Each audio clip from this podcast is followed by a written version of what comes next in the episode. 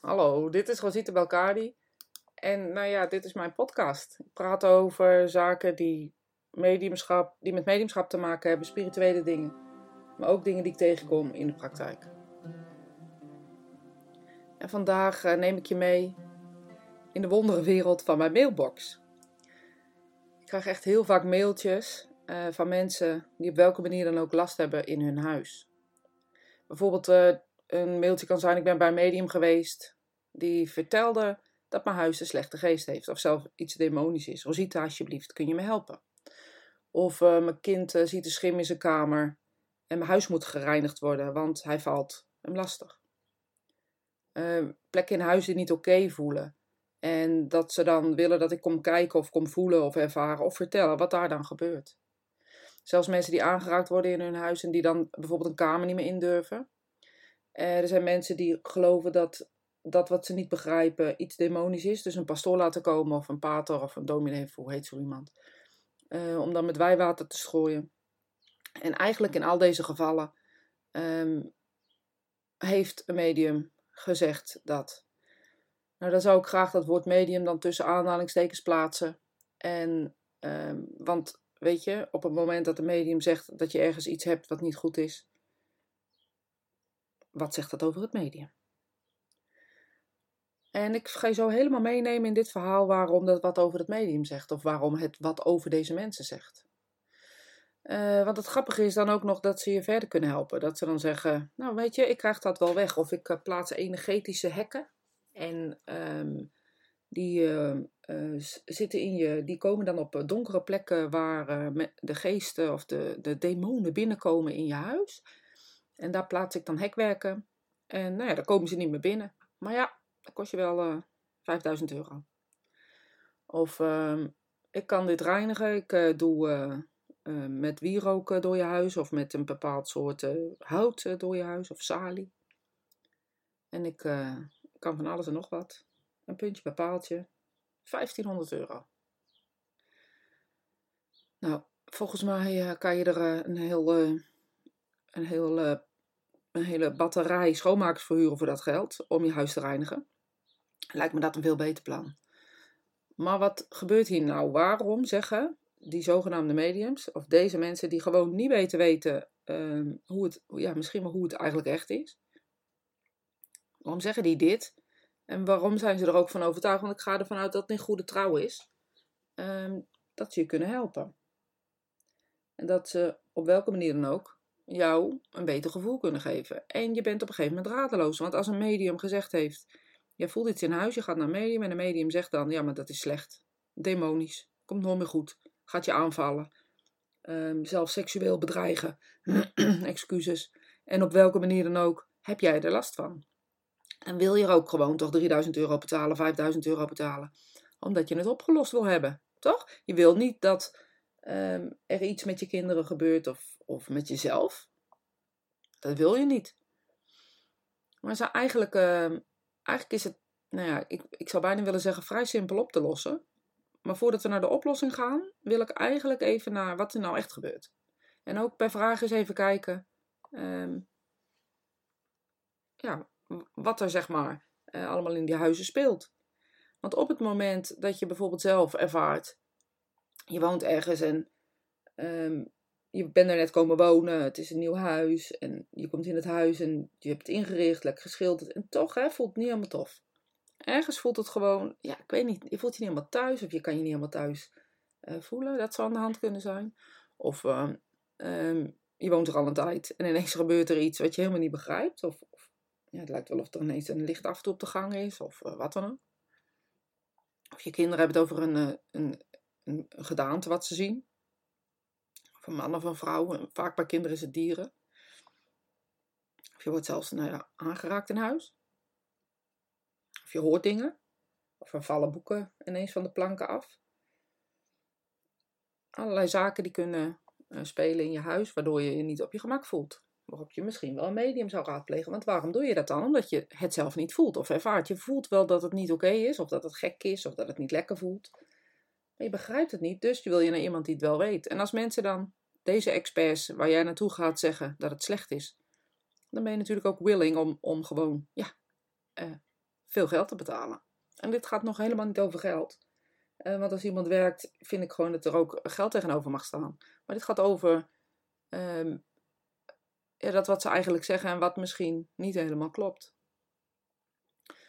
Want er gebeurt dus iets. Er gebeurt dus iets in een huis en je, je begrijpt het niet. En dat kan dus zijn dat het menselijke energie is, dus dat wat wij creëren, of dat het dus de spirituele wereld is. Dat kunnen twee dingen zijn. En ik scheid ze even in dit geval. Uh, want het menselijke, dus het energetische stuk, dus op het moment dat er iemand in huis zich niet oké voelt, of er is veel ruzie, of niet zozeer uh, ruzie, maar ja, het kan van alles zijn. Iemand voelt zich niet lekker in zijn vel, een relatie die me lekker loopt uh, zonder dat je dat echt weet. Um, kinderen in de puberteit, jezelf in de overgang. Dat soort dingen kunnen er allemaal um, ja, voor zorgen dat de energie in huis verandert. Want we hebben een auraveld om ons heen, we hebben een energieveld om ons heen, we bestaan uit energie, alles is energie. Dus op het moment dat daar iets verandert, verandert er ook iets in de energie, nou. Dat betekent dus dat er in huis iets kan veranderen. En dat, kunnen dan best, dat kan best wel op plekken gaan zitten, hoe gek dat misschien ook klinkt, kan het best wel in een, een plek in huis gaan zitten. Stel je voor, je hebt uh, Um, er is een speciale kamer waar je eigenlijk niet zo vaak komt, maar als je er komt voel je je nooit helemaal op je gemak. Maar ooit in die kamer is ruzie geweest of je bent er ooit gaan zitten en gaan huilen, want je voelde je echt helemaal niet lekker en je wilde je afzonderen. Die situatie ben je al lang vergeten, maar die energie blijft in wezen wel hangen. Um, en dat kan je dus voelen en voeden. Dus voelen en voeden. Dus je voelt het en op het moment dat je het voelt en je hebt er een mening over die negatief is, oh jeetje, wat voel ik hier? Dit is spannend, dit is niet oké. Dan voed je die energie met negativiteit. Dat is één ding wat er gebeuren kan. Dat kan heel groot zijn. Dat kan zijn dat je een verjaardag hebt gehad, dat iemand zich niet lekker voelde, dat, dat die energie dus blijft hangen in je huis. Um, mensen die uh, in scheiding liggen, die komen praten met je. Uh, die, dat blijft hangen. Uh, again, dat, dat voedt je. Dus ik hoop dat je begrijpt, dat is menselijke energie. Met pubers zelfs zo erg dat de tafels zouden kunnen vliegen omdat de pubers in een, in een ja, puberale toestand zijn. En dat wil zeggen dat de energie in de aura dus anders is. Dat is een nieuwe aanpassingsvermogen. Uh, daar hoort ook soms wel wat, wat rebelsheid, agressie of ja, onbegrip bij van de puber zelf. En dat maakt als het ware stekels in die energie. Uh, nou, dat kan je dus voelen in een huis. Dat kan dus zijn dat, dat je aangeraakt wordt zelfs door deze energie. Dus dat dat gaat bundelen en dat het voelt als aanraken. Dus dat is het aardse, het energetische. Dat wat hier blijft hangen. is hetzelfde als er op een moordplek en je gaat daar naartoe. Dan kun je dat ook nog voelen. Of een, of een eh, nou ja, weet je, oorlogsplek. En je gaat daar naartoe, dan voel je dat ook nog. Dus dan kan je de, de, de gebeurtenis blijven voelen. En als je het blijft voeden, dus er continu over blijft praten, dan wordt dat groter. Dus met alles. Alles wat je aandacht geeft, groeit op welke manier dan ook. En dan is er nog een andere. Dus dan is er nog een uh, spiritueel uh, stuk waarin uh, de spirituele wereld dus wil laten weten, we zijn er nog. Op welke manier dan ook. Dus op het moment dat je de spirituele wereld ervaart, dus je hoort tikken, kloppen, wordt gesproken, je hoort je naam roepen, je hebt het je aangeraakt wordt of er verandert iets in je huis ineens. En het lijkt ineens kou of warm of nou ja, weet ik veel wat, er verandert iets. Uh, of je voelt je op sommige plekken ineens niet meer lekker en al die andere dingen waar ik net over heb gehad, die zijn niet aan de orde. Uh, dan, kan het, dan kan ook daar verschillende dingen gebeuren. We gaan er nu even vanuit dat de spirituele wereld is. En wat kan, is dat je gevoeliger wordt. Dus dat jij als mens gevoeliger wordt. Dus dat je als het ware een eens een antenne hebt uitgeschoven.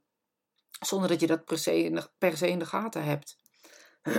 Sorry, ik heb een kikker in mijn keel. Zonder dat je dat uh, per se in de gaten uh, hebt. Dus op het moment dat je uh, de spirituele wereld ervaart en niet begrijpt, dan kan het, omdat je het niet begrijpt, als angstig ervaren worden. Want je ziet het niet. Dus alles wat gebeurt, gebeurt als het ware een beetje buiten jezelf. Je bent dus gevoeliger geworden, om welke reden dan ook.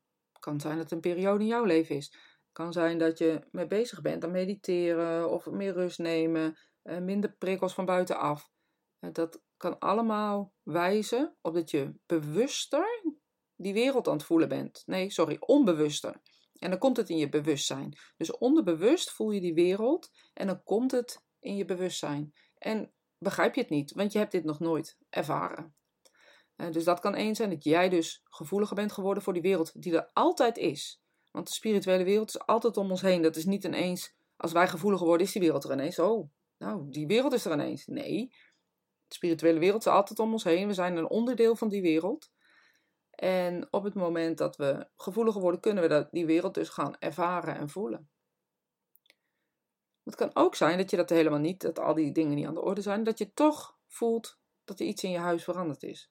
Het kan best zijn dat er een geliefde in de spirituele wereld is, die jou hartstikke mist of jou hartstikke wil laten weten: ik ben er voor je. Ik weet dat je het moeilijk hebt. Ik weet dat dit gebeurd is. Ik weet dat je dat diploma hebt gehaald. Ik weet dat je um, bent getrouwd. Ik weet dat je een kind hebt. Ik wil je laten weten: ik ben er nog. En dat stukje zou ik graag nog een keer willen herhalen. Dus dat de geliefde, jouw overleden dierbaren, je, je kinderen, je partners, je vaders en moeders, opa's en oma's, tantes, collega's, uh, wie dan ook, wie je dan ook gekend hebt in het leven wil laten weten, ik zie je, ik ervaar je en ik weet dat je leven een bijzondere wending heeft gekregen. En ik wil je graag laten weten dat ik er voor je ben, dat ik er op welke manier dan ook um, ja, voor je ben. En gewoon troostend, liefdevol, opbeurend, um, helemaal niet om je te demoniseren.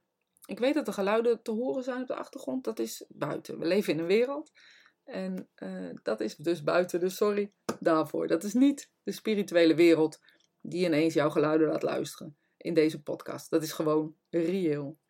Dus ik ga even terug naar de uh, dierbare overledenen. Die dus gewoon aan jou willen laten weten: ik ben er nog. Ik ben er nog voor jou.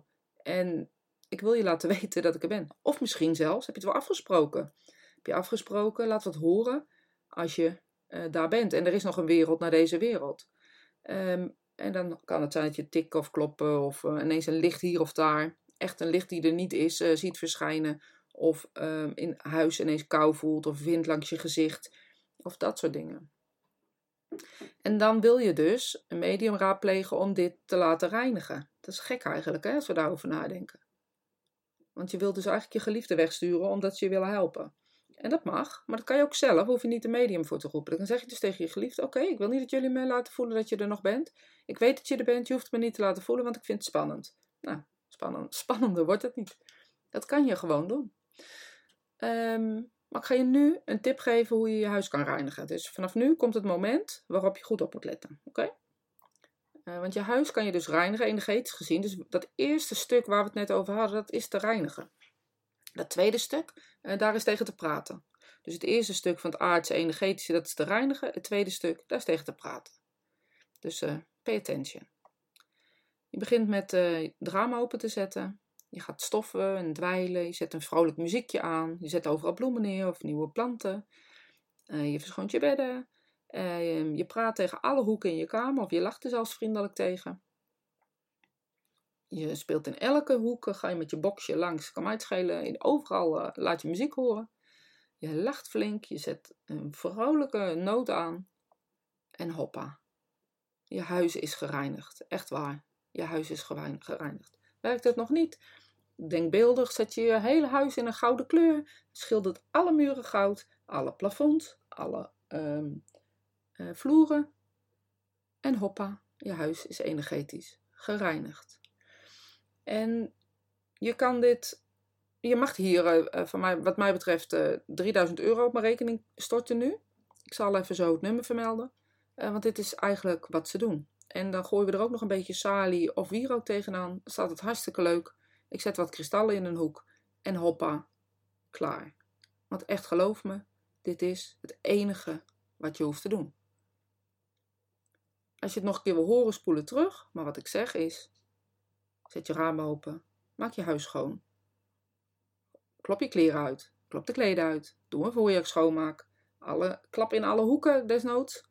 Um, zet in alle hoeken eh, een glimlach neer. Um, doe je muren goud verven. Nogmaals, hoppa, je kamer is gereinigd. Je huis is gereinigd. Alles is schoon. Dus alle energetische shit los je op deze manier op. Als je verjaardag hebt gehad, doe het zo. Als er mensen in je huis zijn geweest die een zware lading hebben, doe het zo. Als je zelf niet zo lekker in je vel hebt gezeten, hoppa, doe hetzelfde. Dit is energetisch reinigen van je huis.